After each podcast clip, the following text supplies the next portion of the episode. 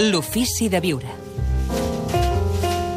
El bloc de notes, eh, l'ofici de viure de l'Àlex Rovira, que és un blog japonès. Hola, Àlex, molt bon dia. Molt bon dia. No direm la marca, però vaja, hi ha moltes botigues d'aquestes ara japoneses i són molt barats, eh? Sí, senyor, i, a més tenen un estil molt, molt senzill Sí. i molt pràctic. I en aquest bloc de notes, com dèiem la setmana passada, doncs hi du unes quantes reflexions a partir del Fòrum Mundial del Lideratge, del qual ha tornat a Mèxic.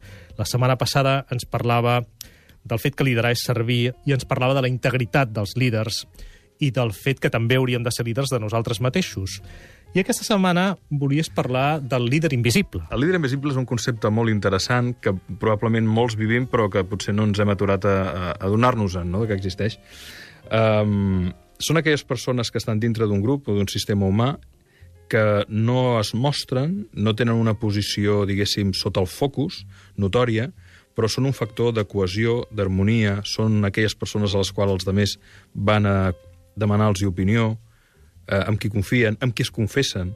Eh, Vicente del Bosque, el seleccionador de, de la nacional de, de futbol, amb qui vaig tenir l'ocasió de fer-li un pròleg que em van demanar per un llibre, em comentava en certa ocasió que, per exemple, el Pepe Reina, jo no sóc massa futbolero, eh, ni molt menys, però el Pepe Reina, que és un dels porters suplents de la selecció, juga aquest paper. És l'home que aixeca els cors, que explica acudits, que abraça els companys, que els fa riure, que, que sap escoltar.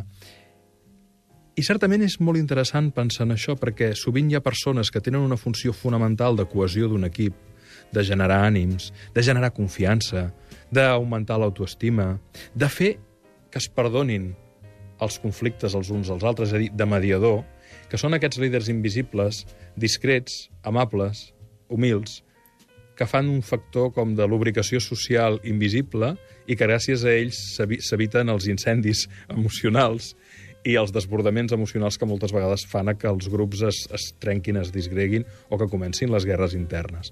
Per tant, és interessant aturar-se a reflexionar, potser que si, si les coses funcionen molt bé, és que hi ha algun líder invisible d'aquests que ajuda, però que humilment no es mostra i agrair-li, eventualment, el fet de que estigui fent aquesta funció.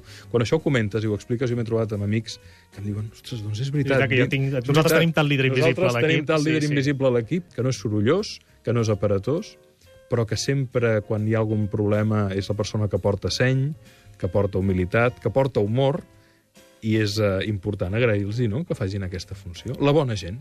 La bona gent. El líder invisible. Àlex Rovira, moltes gràcies, bona setmana. Moltes Fins gràcies, diumenge. Gaspar. Una abraçada.